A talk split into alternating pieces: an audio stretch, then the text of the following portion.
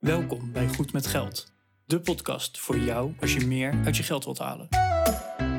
Je financiën op orde of eerder kunnen stoppen met werken? Schuif aan, want hier zijn we goed met geld.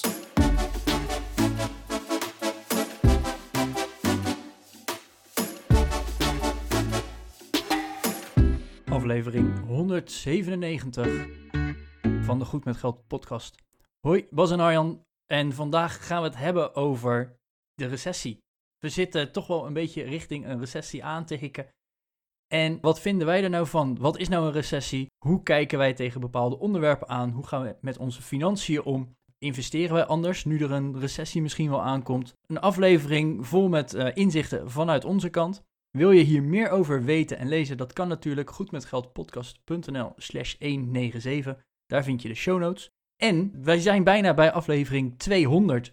Voor aflevering 200 hebben we natuurlijk wat speciaals in petto. Wij willen namelijk luisteraarsvragen gaan beantwoorden. Dus heb je nou een prangende vraag of gewoon iets waar je onze mening over wil weten? Stuur jouw vraag dan in. Dat kan via goedmetgeldpodcast.nl slash contact of via Instagram of uh, desnoods onder de show notes. Laat ze vooral even weten, dan kunnen wij daar een hele leuke aflevering over maken.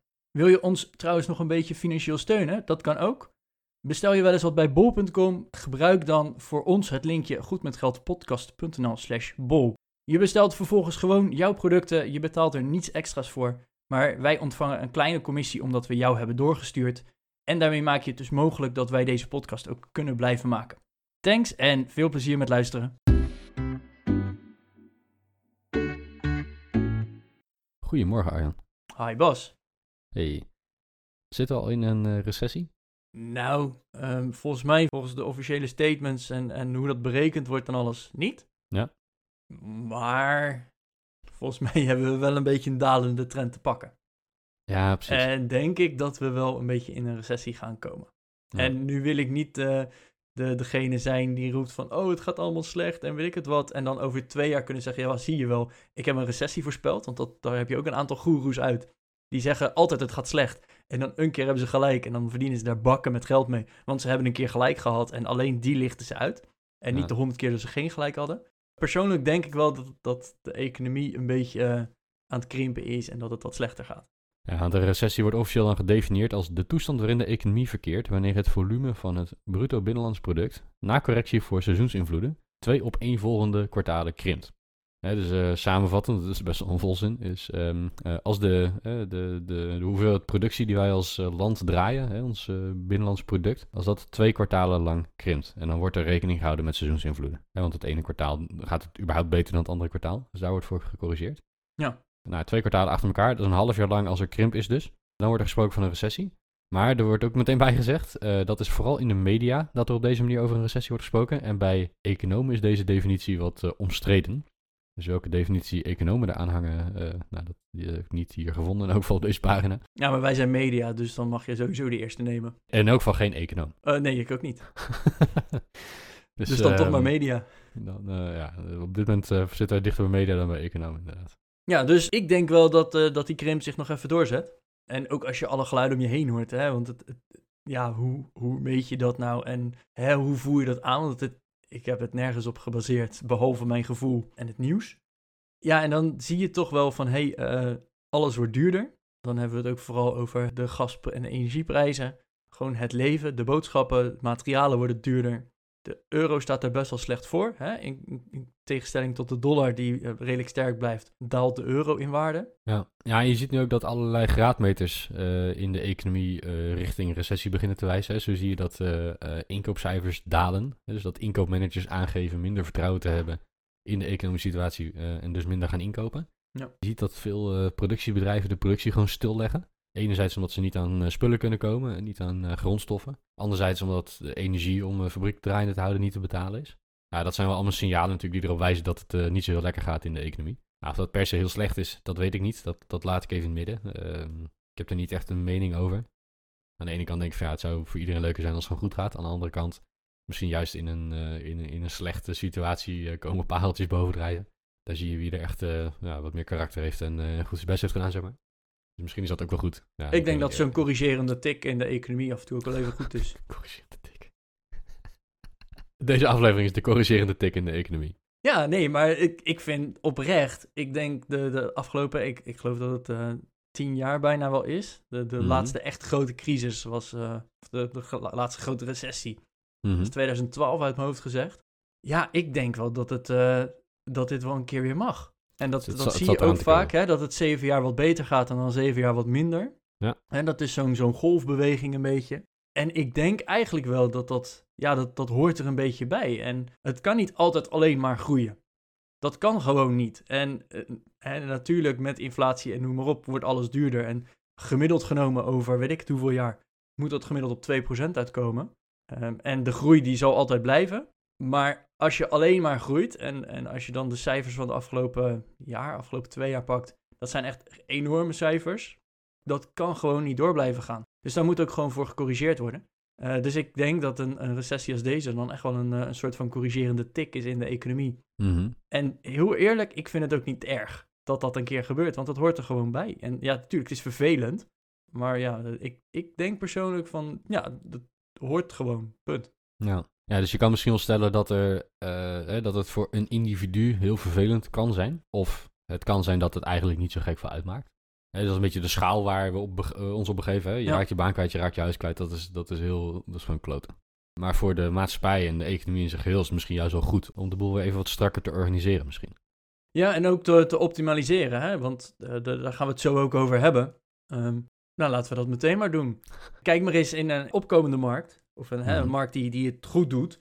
Waar wordt geld in geïnvesteerd? Ja, in alles natuurlijk. Ja, je kan beter vragen waar wordt het niet in geïnvesteerd. En dan moet je echt een heel slecht idee hebben. Dan krijg je geen geld, maar verder, ja, er, er is groei, er is geld. Het, het, klotst bijna tegen de plint aan. Ja. Dus hè, laten we alles gewoon maar proberen en we zien wel. Terwijl als er in een recessie geïnvesteerd moet worden, dan wordt er echt wel gekeken van, ja, maar wat, wat is de, de toegevoegde waarde hieraan? Mhm. Of hè, die investering van een jaar terug, ja, dat was toen heel leuk en er was geld voor. Maar misschien was dat niet zo handig of het, het, het eindproduct is er niet naar. Mhm. Dus eh, die, die investering wordt ook gewoon stopgezet. Ja, volgens mij is dat ook alleen maar goed dat je dat weer even, even stroomlijnt en, en gaat kijken van... hé, hey, waar hebben we nou echt profijt van? En wat was gewoon leuk? Eh nou, freewheelen wil ik het niet noemen, maar hè, tuurlijk, je moet dingen proberen. Maar was de kans van slagen überhaupt al niet extreem groot? Mhm. En wordt daar nu dus gewoon de kraan voor die gedraaid? Ja, dat is, dat is misschien wel goed. Dat, tenminste, ik vind dat wel, eh, ik vind het wel prima. Gewoon eventjes, eh, eventjes even nadenken over wat nou belangrijk is en wat werkt en wat niet werkt. Ja, Ja, en je ziet ook dat mensen voorzichtiger worden. Mensen in het algemeen, bedrijven of particulieren, maakt er niet zoveel uit. Voorbeeld daar eh, wel een goede is dat je, als je gaat verhuizen en je hebt een koopwoning, ga je dan eerst kopen of eerst verkopen? Nou, de afgelopen jaren, en op dit moment als we dit opnemen, is het oktober 2022, gebeurt het al een paar maanden niet meer. Maar de afgelopen jaren was het natuurlijk altijd wel eh, heel gebruikelijk om eerst een huis te kopen. En dan, eh, als dat allemaal gelukt was, want dat was al moeilijk zat, dan ging je je oude huis verkopen. ja, want van je huis kwam je wel af. Ja, dat, oh, dat was zo verkocht. Bovendien, als dat een maandje langer duurt, elke maand dat je huis langer op de markt stond, werd die 3000 euro meer waard. Ja, en dat tegen een, een rentebetaling van een paar honderd euro, dat is gewoon mooi verdiend. Ja, daar gaan we natuurlijk geen haast mee maken. Dus, Nee. dat, eh, nee. dus dan ging je lekker wachten. Maar ja, op het moment dat huisprijzen beginnen te dalen en, en de verkoopzekerheid is eh, minder aan het worden, en het duurt veel langer om een huis te verkopen, ja, wat, wat ga je dan doen? Hè? Ga je dan eieren voor je geld kiezen en eerst een huis verkopen? En pas als je zeker weet dat je hem verkocht hebt en dat je er een bepaald bedrag voor krijgt, ga je dan een ander huis kopen. Hè, dan heb je veel meer zekerheid, want dan weet je wat je kunt betalen en dan weet je waar je toe bent. Eh, maar dan zit je wel weer met de situatie dat je even tussen twee huizen in komt te zitten, mogelijk. Hè, dan moet je dat weer gaan overbruggen tijdelijk. Dat je nou, ergens kan, kunt huren of bij ouders of schoonouders in kan trekken of zo. Maar je ziet toch al dat, dat in, in recessies mensen daarin een stuk eh, voorzichtiger worden. Risicomijdender worden.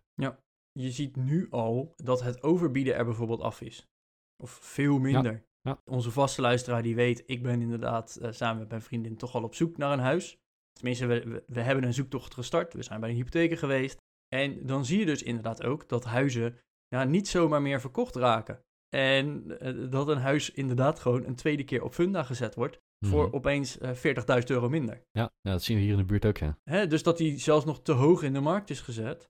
En dat mensen dus ook ja, niet meer zo ja, gek zijn Mhm. om over te bieden. En kijk, inderdaad, in een, in een hele goede markt, ja, dan wordt je huis dat toch wel meer waard in de, in de komende twee jaar. Dus dat lukt allemaal wel. Ook al moet je Mhm. het nu zelf betalen, is niet het grootste probleem. Terwijl dat zie je nu. Mensen zijn wat terughoudender. De hypotheekrente is ook echt gigantisch gestegen. Oh ja. Hè, die, die gaat gewoon richting de 4%. Waar dat eerst nog gewoon 1,5% was. Ja, dat, Mm. dat kost opeens veel meer. En je kan dus ook gewoon veel minder lenen. Mhm, ja. Dus daar zie je allemaal die ontwikkelingen. Dat zijn ook al tekenen hè, van, van dat, dat, dat er een recessie een beetje aan zit te komen. Dat de markt Ja. wat aan het afremmen is. ja. En eh, eh, hebben jullie al geboden recent op een huis? Wij hebben inderdaad één keer een bod uitgebracht. Maar dat was ook meer voor de vorm om eens te kijken van... hé, hey, hoe gaat dat en, en al dat. Nou ja. Dus ook onder de vraagprijs toen al geboden. En ja, wij zeiden eigenlijk, nou die vraagprijs die is eigenlijk al laag. Dus eh, dat gaan waarschijnlijk niet worden. Mhm. En dat is hem dus ook niet geworden. Nee, dat is hem zeker niet geworden. Maar je, je ziet wel het sentiment eh, dat inderdaad huizen wat, wat langer te koop staan. Dat ze een tweede keer op funda komen staan. Dat er meer huizen staan. Mhm. Al dat soort dingen. Ja, wij zitten niet op de schopstoel gelukkig. Dus wij kijken inderdaad gewoon rustig om ons heen tot er een huis is wat bij ons past. Mhm. Dat is denk ik het belangrijkste op een locatie die wij ook leuk vinden. En ja, heel eerlijk, en dat is dan wel iets wat ik in mijn achterhoofd hou. Wij gaan denk ik wel eerst kopen voordat we verkopen. Toch wel. Hm. Ja, toch wel. En dat komt vooral vanwege het type woning wat wij nu hebben. Want daar zie je nu nog best wel grote verschillen. Dat de, ja, ik laat het maar grote mensenhuis noemen. Hè? De, de, de rijtjeshuizen met een achtertuin. Die gewoon ja, voor, voor 4, 5 ton weggaan. Mhm. Daar merk je dus nu dat de markt wat, wat meer stil komt te liggen. Hm. Terwijl de starterswoningen, ik heb het idee dat die nog steeds als warme broodjes over de toonbank gaan. Ik heb eigenlijk geen, geen, geen idee. Omdat er heel veel mensen nog steeds eh, hè, dus thuis wonen en eh, toch wel graag het huis uit willen. Nou ja. Dus dat is echt een, een andere markt dan de doorstroomwoningen. Maar eh, eh, ik heb hier nog geen adviseur over gesproken. Dat gaan we wel zeker doen. Mhm. Om ook eens te horen van, hé, hey, wat, eh, wat zouden we voor het huis kunnen krijgen? En dus nog meer zekerheid over ons budget weten. Ja, dus iets een keer een aankoopmakelaar of zo in de arm nemen om te kijken van als ik wat ga terugkopen, wat zijn daar de, de mogelijkheden en Ja, hoe ziet ja. die markt eruit? Ja, nou, dat, dat soort adviseurs heb ik het dan inderdaad over. Van, hé, hey, wat help Ja. ons eens even om, om een waarde te geven, om rond te kijken, waar moeten we op letten? Dat soort dingen. Mhm. Dat advies ga ik dan ook volgen. Van zouden we het dan eerst moeten verkopen of eerst moeten kopen? Maar ik denk dat we nog steeds gewoon gaan zeggen, juist omdat we niet op de schopstoel zitten, dat we zeggen van hé, hey, we gaan eerst iets kopen voordat we dit appartement gaan verkopen. Ja, precies. Ja. Oké. Wat je natuurlijk ook ziet, hè, als mensen meer zekerheid gaan zoeken, eh, als je een beleggingsportefeuille hebt, nou, misschien gaan mensen wel aandelen verkopen. En dan, dat, dat, klinkt heel, eh, dat klinkt wel heftig. Klinkt als markttiming. Dat doen we niet als we goed met geld zijn. Hè? Dat doen we niet aan markttiming, want we kunnen de markt niet timen. Maar we gaan het binnenkort hebben op een, eh, eh, in een andere aflevering over eh, offensief of defensief beleggen. En, en hoe dat eruit ziet en wat de verschillende risicoprofielen daarin zijn en hoe je dan offensief of defensief kunt beleggen. En om vast een tipje van de sluier op te lichten. Mensen zeggen dan, ja nee, ik doe niet aan markttiming, maar er komt een recessie aan, dus ik ga defensiever beleggen. Nou, eigenlijk ben je natuurlijk wel aan markttimen, want dan ga je aandelen verkopen en obligaties aankopen, omdat er een recessie aankomt. Dus, dus dat is misschien wel een beetje markttiming. Maar dan zie je dus ook dat mensen daar weer wat risico gaan eh, afbouwen. Dan denk je, ja, want als de economie eh, door het gootje gaat, dan gaan mijn aandelen ook door het gootje. Dan kan ik beter in eh, obligaties of in spaargeld of in goud of in andere dingen zitten. Ben jij in je, in je persoonlijke investeringen aan het voorbereiden op een recessie? Nee, nee. Ik bereid wel voor op een recessie, maar dat doe ik meer aan de inkomenkant. Om te zorgen dat ik gewoon een inkomen blijf houden. Ja.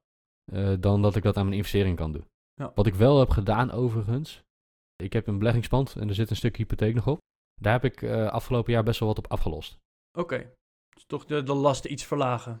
Ja, dat heeft als resultaat dat de cashflow uit die investering gewoon groter is geworden.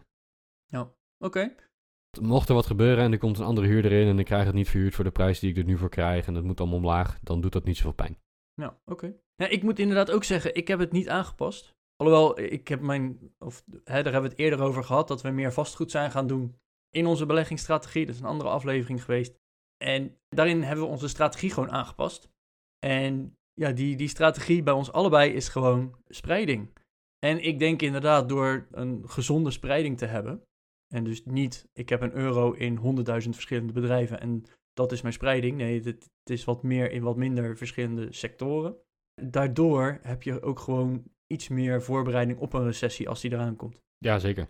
Ja. Dat je inderdaad je eieren niet allemaal in één mandje hebt, maar dat je meerdere mandjes met eieren hebt.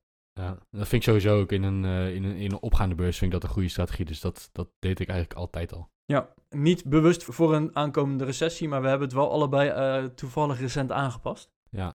Maar ik heb inderdaad precies, ook mijn, ja. mijn investering heb ik er niet op aangepast. Ik moet wel zeggen, Ga je meer buffer aanleggen bijvoorbeeld? ja, ik heb mijn buffer redelijk- recent redelijk geleegd, omdat ik eh, een mooie investering zag. Oké. Daar merk ik nu wel een beetje dat ik zeg van, ja, ik, ik ga hem toch wel weer even terug naar dat, dat oude bedrag. En dat was naar mijn mening best wel hoog. Ja. Maar ik denk toch wel dat ik weer op zijn minst terug wil naar die, die zes tot acht maanden aan uitgaven. Oh, wauw. Eh, dat, dat is het nu dus niet. Dat kan ik je ook vertellen. Ja, toch op de een of andere manier is dan die, die zekerheid wel weer fijn. Hoeveel maanden is het nu, denk je? Ik denk nu dat ik op een maand of eh, twee, drie zit. Oh ja. En ik ben er echt flink ingekrompen, want eh, het, het was bijna een jaar aan uitgaven. Oké. Eh, dus hè, dat, ik, ik stoeide altijd een beetje mee. En ik, ik kijk dus ook heel erg van, hey, welke kansen komen voorbij? Hm. Hè? En dat is ook wel bij een recessie. Dan zie je dat sommige dingen echt heel slecht gaan. Dus dan kan je soms ook wel eens het risico nemen van... hey, ik verwacht dat dit de recessie overleeft en dat het daarna weer omhoog gaat. Zou je een gokje wagen op een aandeel dan bijvoorbeeld? Nou, op een aandeel durf ik niet te zeggen. En eh, nogmaals, dit is geen eh, financieel advies. Dat moeten we zeker ook niet doen. Nee, dat is gewoon puur wat jij zou doen, zeg maar, in je eigen situatie. Wat je wel ziet is, als het bloed door de straten loopt... worden de beste eh, deals gemaakt. En dat Ja. is voor degene die verkoopt heel vervelend, want Ja. die moeten vaak met verlies verkopen. Maar zeker ook met, met in het achterhoofd bijvoorbeeld, we zijn op zoek naar een huis.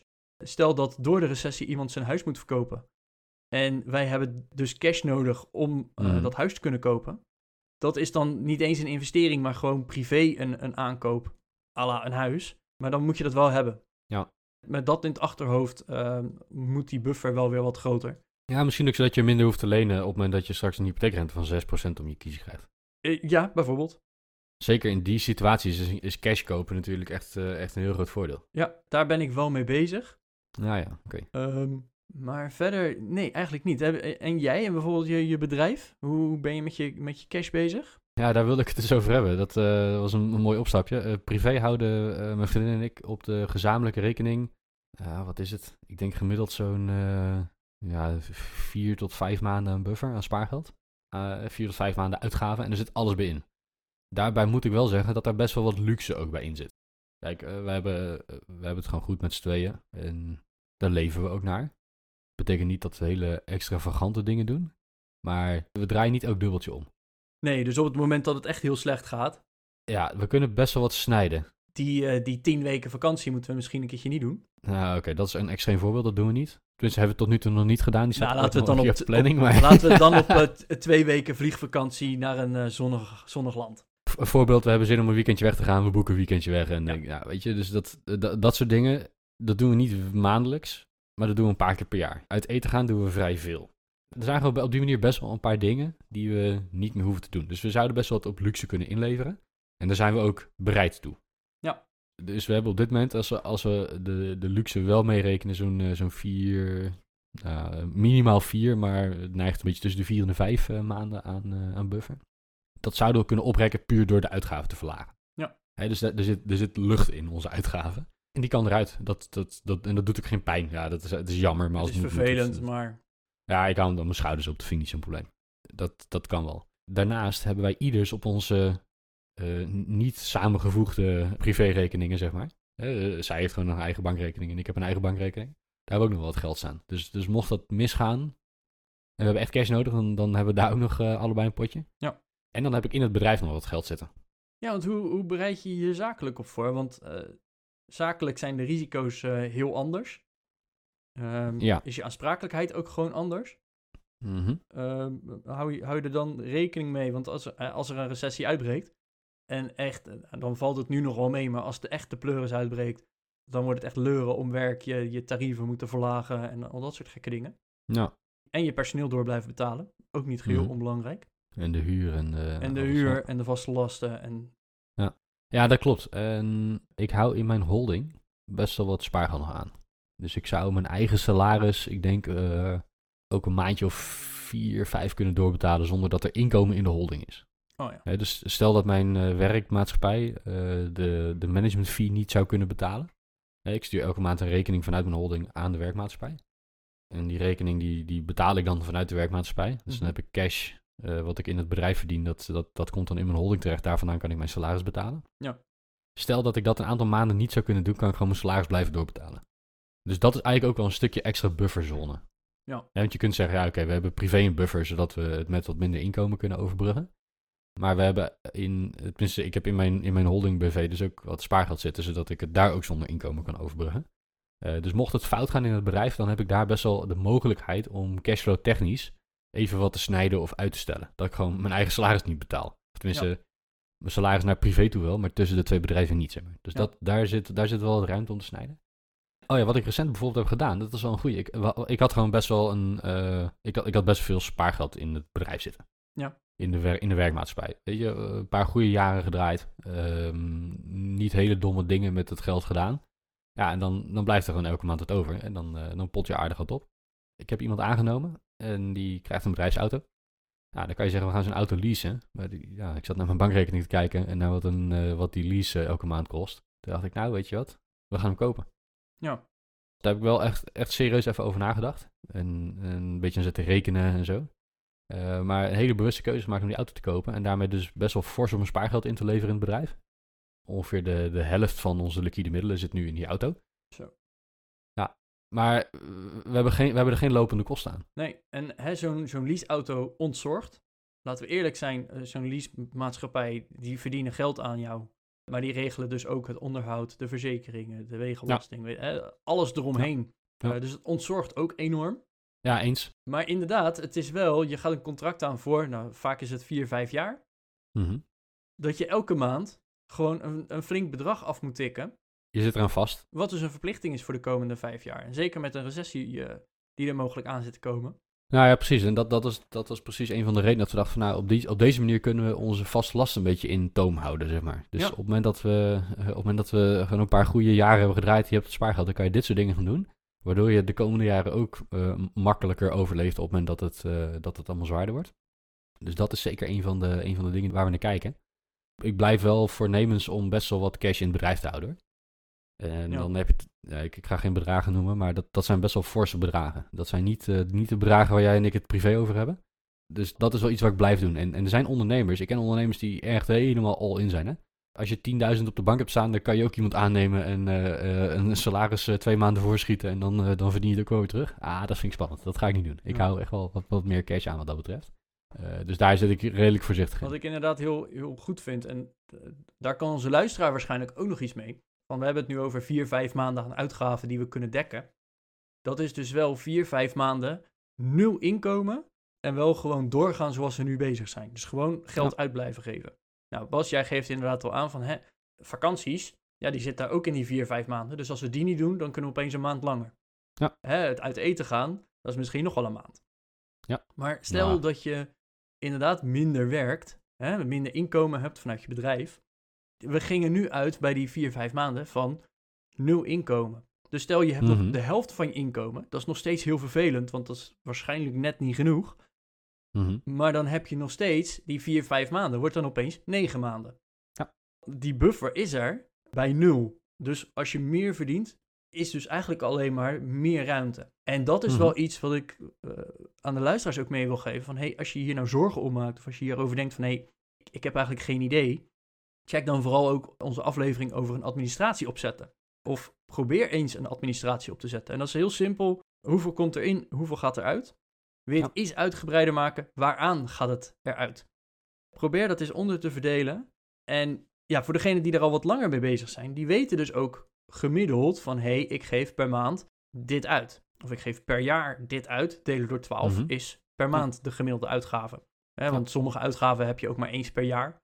Eh, of ik in ieder geval. Dus nou, dan, eh, dan is het altijd goed om het totaal van het hele jaar delen door 12. Mhm.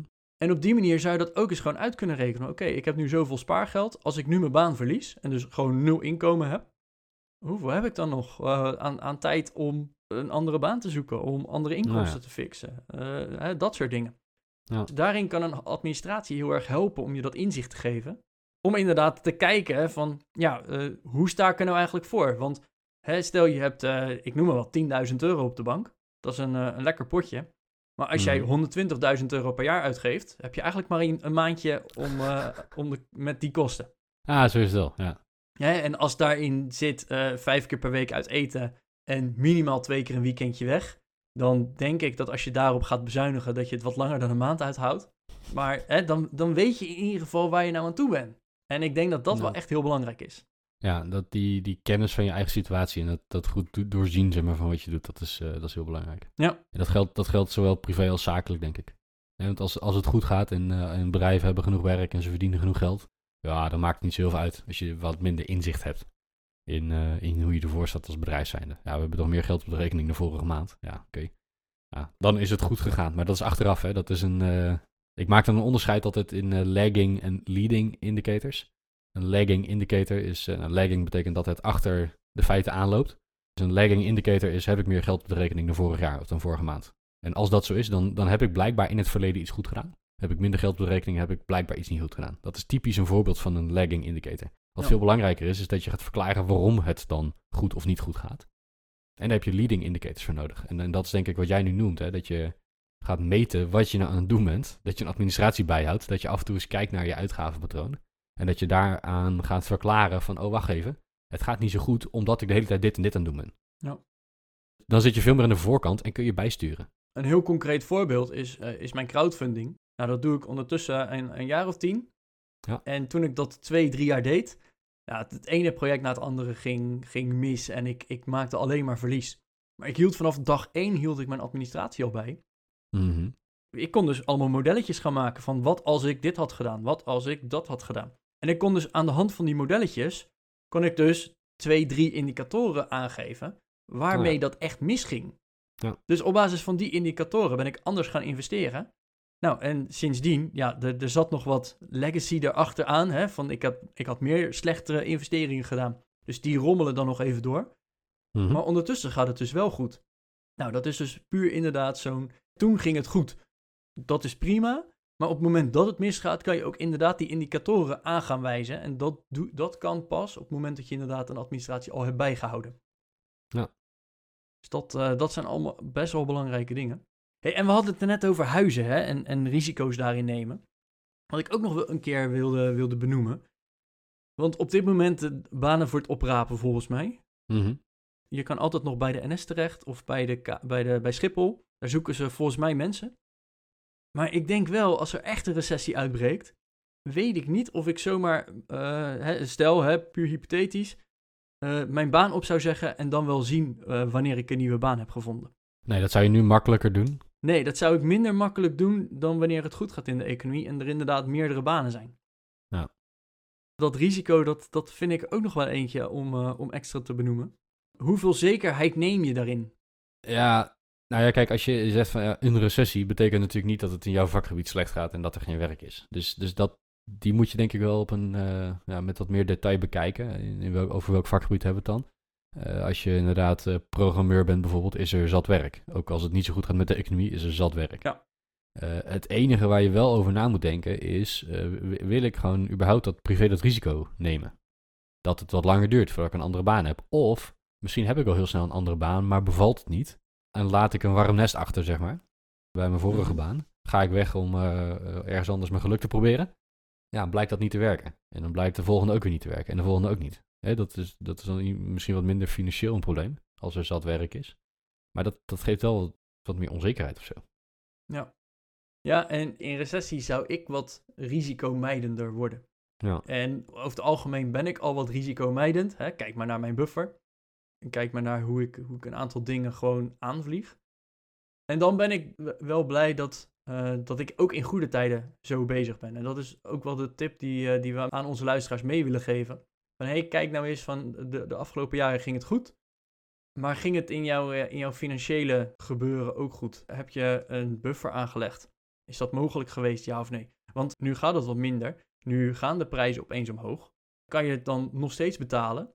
Mhm. Of wordt het nu lastig? Ja. Voor mij persoonlijk, ik vind het heel vervelend dat die gasprijs omhoog is gegaan. Echt eh, heel erg oprecht. Maar het enige wat voor effect het heeft, is dat mijn buffer wat minder snel groeit. ja, je ligt er niet echt wakker van. Ik lig er niet wakker van. En ik denk dat dat wel echt zo'n zo'n wake-up call ook voor mensen is. Van joh, ja, eh, ik kwam precies rond. Dus nu moet ik opeens echt gaan bezuinigen om de gasrekening te kunnen betalen. Of Mhm. ging het goed en kan je nu alleen wat minder sparen omdat de gasrekening hoger is. Ik denk dat dat Nee. wel eh, zo'n zo'n indicator is om eens naar jezelf te kijken. Van hey, ja, misschien had ik eh, iets rustiger aan moeten leven. ja. Ik ben wel benieuwd, uh, luisteraar, hoe jullie uh, aankijken tegen een, een aankomende recessie. Wat jullie daaraan doen. En ja, ik denk dat we de podcast ook moeten gebruiken om van elkaar te leren. dus stuur ons als je wil een berichtje via goedmetgeldpodcast.nl slash contact. En laat daar even weten hoe je zaken aanpakt. En of je je voorbereidt op een, op een aankomende recessie of niet. En ja, wat je vond van deze aflevering. Je misschien zitten we een hoop onzin te spuien of niet. Dus, dus doe dat vooral ja, toch die econoom die nu luistert en zegt: ja, die twee maanden daling, dat klopt niet. Volgens economen kijken we er op die manier naar. Laat het ons vooral even weten, want we zijn heel benieuwd. We konden het niet vinden. Wat we wel uh, uh, aan zekerheid hebben, is dat wij er volgende week gewoon weer zijn. Dus tot volgende week. Tot volgende week.